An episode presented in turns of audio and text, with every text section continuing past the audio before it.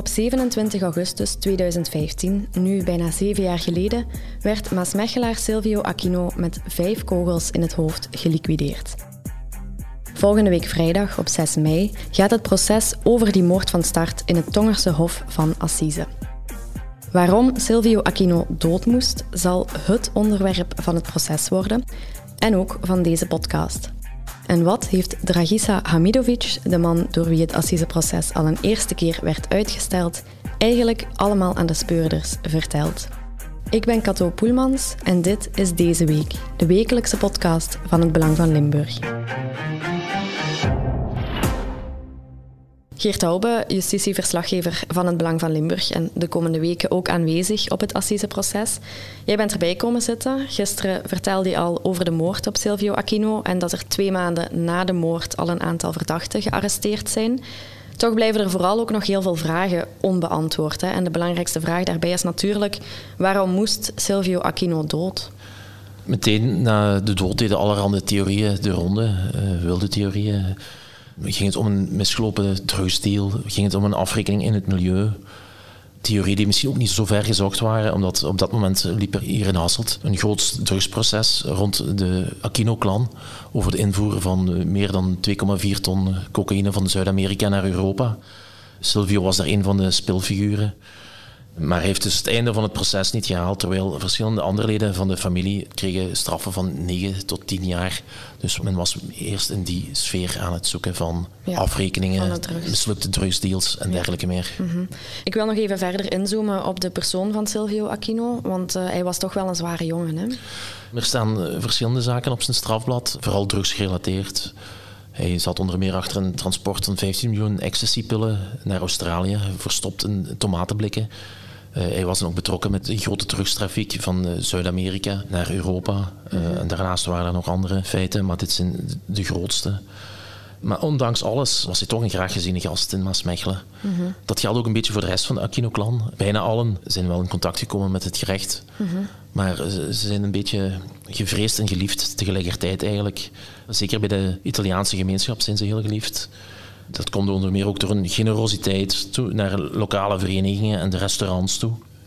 Dat hij heel geliefd was, bleek ook op zijn begrafenis. Bijna zeven jaar geleden intussen al. Meer dan 500 mensen waren aanwezig in de Sint-Barbara-kerk van IJs de Tuinwijk. Hij wordt blijkbaar toch hard gemist ja, in mm Maasmechelen en omstreken. En nogthans zag hij er wel uit als een zware jongen, hè? Uh, ja, hij was van het uh, buitenwipperstype, kan je wel zeggen. Uh, kale kop, geblokt lijf. Ik noemde hem eerder al een soort van Jerommeke, maar dan zonder het, eh, het kapsel. Ehm, die kale kop is wel kenmerkend voor de Aquino-broers. Ze worden ook wel de bende van de kletskoppen genoemd. Andere bijnaam voor hem is de kroonprins van de sopranos aan de Maas. Ja. Ja, dat valt, wel wat, ja. ja. er valt wel wat over hem te vertellen. Ja. Hij stamt uit een mijnwerkersfamilie. Zijn vader is eind jaren 60 of begin jaren 70 mhm. naar hier gekomen. Zoals wel meer met de Italiaanse gemeenschap, zal ik zeggen, was familie en vrienden waren echt heilig voor hem. Zijn kinderen al helemaal. En opmerkelijk eigenlijk wel is zijn fascinatie voor kerken en kathedralen. Hij was heel gelovig en uh, hij had ook zoiets van dat hij eigenlijk goed wou doen voor de mensen. Want dat hij dan iets goed zou terugkrijgen mhm. in het kader van dat grote drugsproces dat lopende was in Hasseltun. Ja, en dat heeft ook niet mogen zijn, want niet veel later werd hij dan vermoord. En je zei net zelf al, het is mogelijk een afrekening, dus uh, waarschijnlijk liggen er ook nog andere pistes op tafel. Uh, ja, die andere pistes zijn een beetje gekomen door de jaren heen. Eerst was het zo misschien wilde iemand een lesje leren, was het een huurmoord. Maar nu zit men meer op, meer op de piste dat het om een uit de hand gelopen ontvoeringspoging gaat. Dat men hem wil ontvoeren voor losgeld. En dat er daar schoten zijn gevallen die niet hadden moeten vallen, met de bekende gevolgen van dien. Het is trouwens op 6 augustus 2015, of enkele weken voor de fatale dag, zou er ook al een gijzelingspoging geweest zijn. Telefoontoestellen van de Bosniërs, de uitvoerders die nu op de beschuldigde bank zitten, zijn toen ook in Maasmechelen gesignaleerd. Maar dat is toen om allerhande redenen is die operatie, zoals we het maar noemen, toen afgeblazen. Ja, dat is een interessante piste hè, van die ontvoering, want dat is ook wat een van de verdachten van de moord zelf zegt. En daarvoor moeten we kijken naar Dragisa Hamidovic, want in tegenstelling tot de andere verdachten heeft hij wel zijn mond open gedaan. Maar voordat we daar verder over gaan praten, valt er ook nog iets anders te zeggen hè, over Dragissa. Want het is door hem dat het assiseproces nu pas plaatsvindt, met meer dan een half jaar vertraging. Ja, inderdaad. Hij zorgde voor een uh, surprise eind augustus vorig jaar. Die kon tellen. We waren in de laatste rechte lijn om te beginnen aan het proces eigenlijk. Uh, op de zogenaamde preliminaire of voorbereidende zitting stond op punt. En toen kwam een konijn uit de hoge hoed, bij wijze van spreken, in de vorm van uh, Dragisa Hamidovic. De dag ervoor had de politie in Spanje, in Blanes, de Costa Brava, hem gearresteerd tijdens een gewone verkeerscontrole. Er van alles los te zijn met zijn identiteitspapieren en zijn vingerafdrukken brachten meer duidelijkheid dat dit een man was die in België nu al meer dan zes jaar werd gezocht in verband met de moord op Silvio Aquino. Ja, en met zijn arrestatie lijkt er dus ook meer duidelijkheid te komen over de moord op Silvio, want Tragisa die gaat aan het praten. Ja, zijn versie van de feiten is dat wat er gebeurd is op, op die bewuste 27 augustus 2015 dat het dus een uit de hand gelopen ontvoering is. Hij is beginnen babbelen. Dat is zeer tegen de zin van de andere verdachten trouwens. Ehm, dat konden we ook nog merken onlangs in de rechtbank. Toen hij werd uitgescholden door Sandro Hamidovic voor uh, Barbie, wat blijkbaar in de Romataal zoveel moet betekenen als een soort van verrader. Mm Hij gaf dus meer details over die dag. Bijvoorbeeld over wie de vrouw Sylvia in de greep moest houden. Uh, en dat hij ook zelf betrokken geraakte in een schermutseling met Silvio. Het was Dragissa en Sandro die een pistool op zak hebben, als, mhm. als enige twee. En uh, tijdens die schermutseling met Silvio wist uh, die ook het pistool van Dragissa af te pakken. Ja. Uh, dat zegt nogmaals Dragissa. Mhm. Silvio zou daarbij een schot gelost hebben.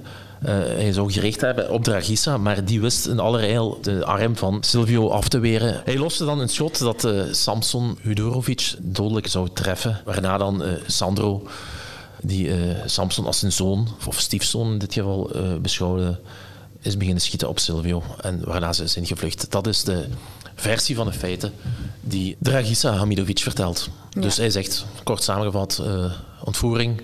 Zo zouden willen gaan voor, voor 500.000 euro losgeld. Die ze snel hadden willen, willen losweken. maar ja... Duidelijk niet gelukt, hè? Nee, met alle fatale gevolgen van dien. Geld was dus duidelijk het hoofdmotief voor die ontvoering, zoals Tragisa dan zegt. Maar waarvoor gingen zij dat geld dan gebruiken? Ja, inderdaad. Het was eigenlijk ja, de bedoeling om Silvio Aquino te ontvoeren. Uh, hem doden, dat stond niet in het draaiboek. Uh, geld zou het hoofdmotief geweest zijn. Ze hoopten een bedrag van uh, minstens 500.000 euro los te krijgen in ruil voor Silvio eigenlijk. Mm -hmm. En dat zou allemaal redelijk snel moeten gebeuren volgens hun plannetje dat vooral Sandro bedacht had. Dat bedrag zou dan verdeeld worden onder alle deelnemers. En ook uh, opdrachtgever, wat dus Martino Trotta zou zijn. En Taragissa zou onder meer dan 25.000 euro willen gebruiken om de begrafenis volgens Roma-traditie van zijn broer Zoke te willen bekostigen. Die zou wel snel 25.000 euro kosten. Dan gaan we even naar het proces zelf, dat dan volgende week van start gaat op 6 mei. Want er zijn al heel veel namen gevallen, heel veel moeilijke namen ook vooral. Maar wie gaan we nu effectief terugzien op die beklaagde bank volgende week? Eigenlijk, ik kan je op de beschuldigde bank opdelen in twee. Je hebt de uitvoerders, of de vermeende uitvoerders moet ik zeggen. Dat zijn de leden van de Bosnische Hamidovic-clan. De speelfiguur daar wordt uh, Sandro Hamidovic genoemd, een 52-jarige, iets wat pafferige kerel. Hij zou het plannetje bedacht hebben en alles uitgetekend hebben over uh, hoe ze het gingen aanpakken. Naast hem zit dan Bosko Hamidovic, zijn broer.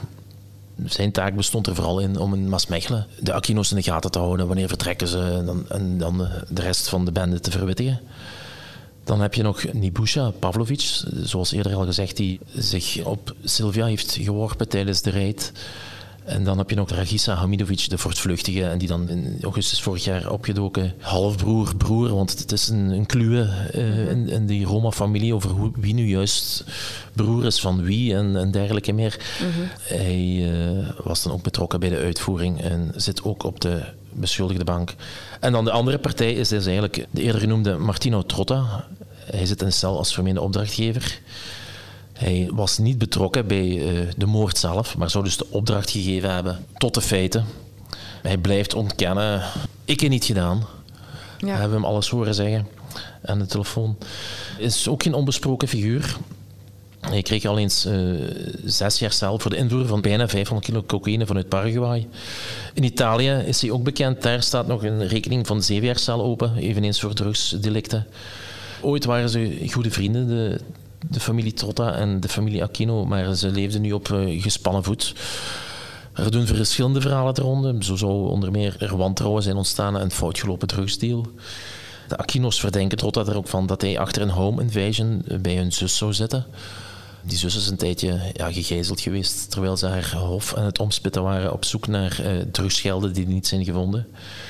Trotta heeft heel lang ontkend dat hij die mannen van die Bosnische klan zou kennen. Maar uiteindelijk is dan gebleken dat hij eh, goede maatjes was met Samson Udorovic, de man die eh, gedood is, en ook zijn stiefvader Sandro. Hij zou ze kennen van in de gevangenis. Ja. En daar zou hij ook een en ander de klan richting uh, Silvio Aquino gewezen hebben. Dat uh, bij die man wel wat te rapen viel, omdat hij in de drugsbusiness zit. Ja. En dat het niet botert tussen Trotta en de Aquino's, dat werd ook al eens eerder duidelijk, hè Geert? Uh, ja, het belooft wel uh, een pittig proces te worden. We hebben al eens een, een voorproefje gekregen in de december 2019. Want Silvio Aquino is niet de, de eerste van de Maas-Mechelse clan die vermoord is. Uh, we hebben ook kapper Hilmi Gedik gehad. Dat was in, in, november 2012. Een goede vriend van Aquino's, een soort van loopjongen kan je hem bijna noemen. Of iemand die de klusjes deed voor de familie. En hij werd in, in maffia-stijl met vijf kogels neergekogeld aan zijn voordeur. Door een duo dat op zoek was naar geld. Of ze dat geld gevonden hebben, is onduidelijk. Feit is wel dat er in de woning van die Hilmi Gedik nog 40.000 eh, euro achter een plint in de, in de keuken werd aangetroffen. Silvio die kwam toen ook heel even in het vizier van de speurders, omdat hij was de man die het lichaam van Hilmi had gevonden. Maar hij had er niks mee te maken, want ja, Hilmi was ook trouwens een van zijn beste vrienden. Wie dook er nog op in het dossier? Eh, Martino Trotta die piste bleek uiteindelijk ook nonsens te zijn. Dat hij, hij, heeft er niks mee te maken. Maar hij moest wel naar het uh, proces komen van Hilmi Gedik om daar uh, komen te getuigen. Hij kwam getuigen en de delen van de Aquino-familie die zaten ook in de assisezaal. En het was uh, niet meteen een hartelijke begroeting. Filio di Putana, ik hoop dat het Italiaans goed is, of hoerenzoon werd er geroepen. te begrijpen, ja.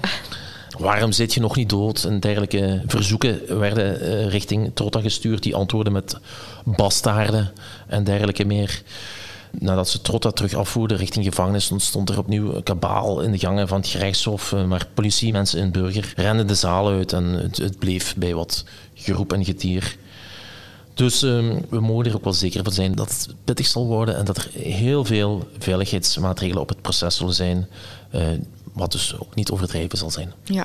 En hoe zal het proces verlopen, Geert? Wanneer mogen wij een uitspraak verwachten? Ik hoop op 3 juni. Dan zijn we intussen vijf weken verder. Dan hoop ik mee, dat is lang genoeg. ja, dat is, zal inderdaad uh, lang genoeg zijn. Ja, dat komt ook omdat er uh, eh, 102 getuigen de revue zullen passeren. Er is ook veel tolkwerk nodig. De hele Hamidovic-klan heeft telkens een tolk nodig, dus dat zal ook veel tijd in beslag nemen. Waardoor we toch makkelijk uh, vijf weken ver zullen zijn. En wat we toch het assiseproces van het jaar in Limburg mogen noemen.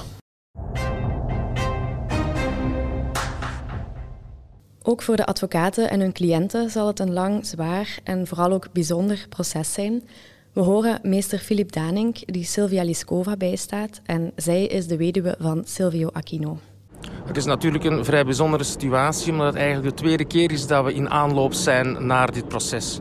Dus als ik herinner dat normaal gezien voorzien was om in het najaar van vorig jaar het proces aan te vatten. Dat is dan opgeschort moeten worden omwille van het feit dat daar een laatste beschuldigde is aangetroffen geweest en die nieuwe verklaringen heeft afgelegd. Dus in die zin is dat voor mevrouw natuurlijk wel uh, bijzonder. Het is de tweede keer dat ze daar naartoe leeft. Zo'n proces dat werkt wel enigszins zijn schaduw vooruit.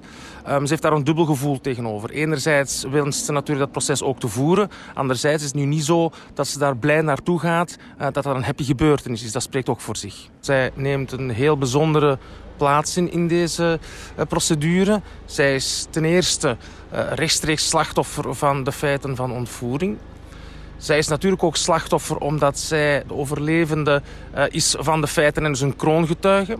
En ten derde is het zo dat zij natuurlijk ook slachtoffer is van het feit dat meneer Aquino bij de feiten het leven heeft gelaten. Tot slot luisteren we nog naar een reactie van meester Hans Valkenborg en meester Pieter Valkenborg. Mijn naam is Hans Valkenborg en samen met mijn broer Pieter Valkenborg treden wij op voor de derde beklaagde Bosko Hamidovic. Wij kijken met vertrouwen uit naar het proces. Ik denk dat er veel veranderd is sinds de voorbije zitting in september, waar dat een extremis de vijfde beklaagde nog eens aangehouden. Um, er zijn vele nieuwe elementen in het dossier, nieuwe verklaringen en dergelijke. En we zijn ervan overtuigd dat um, gedurende het proces de waarheid aan het licht gaat komen en dat het heel duidelijk gaat worden wat er die dag gebeurd is. Dus we kijken er met vertrouwen naar uit. Wat zijn de bijzonderheden in dit proces? Ik denk dat we daar moeilijk omheen kunnen. Het is een enorm groot dossier in al zijn hoedanigheden. In die zin dat het een omvangrijk dossier is met duizenden en duizenden pagina's.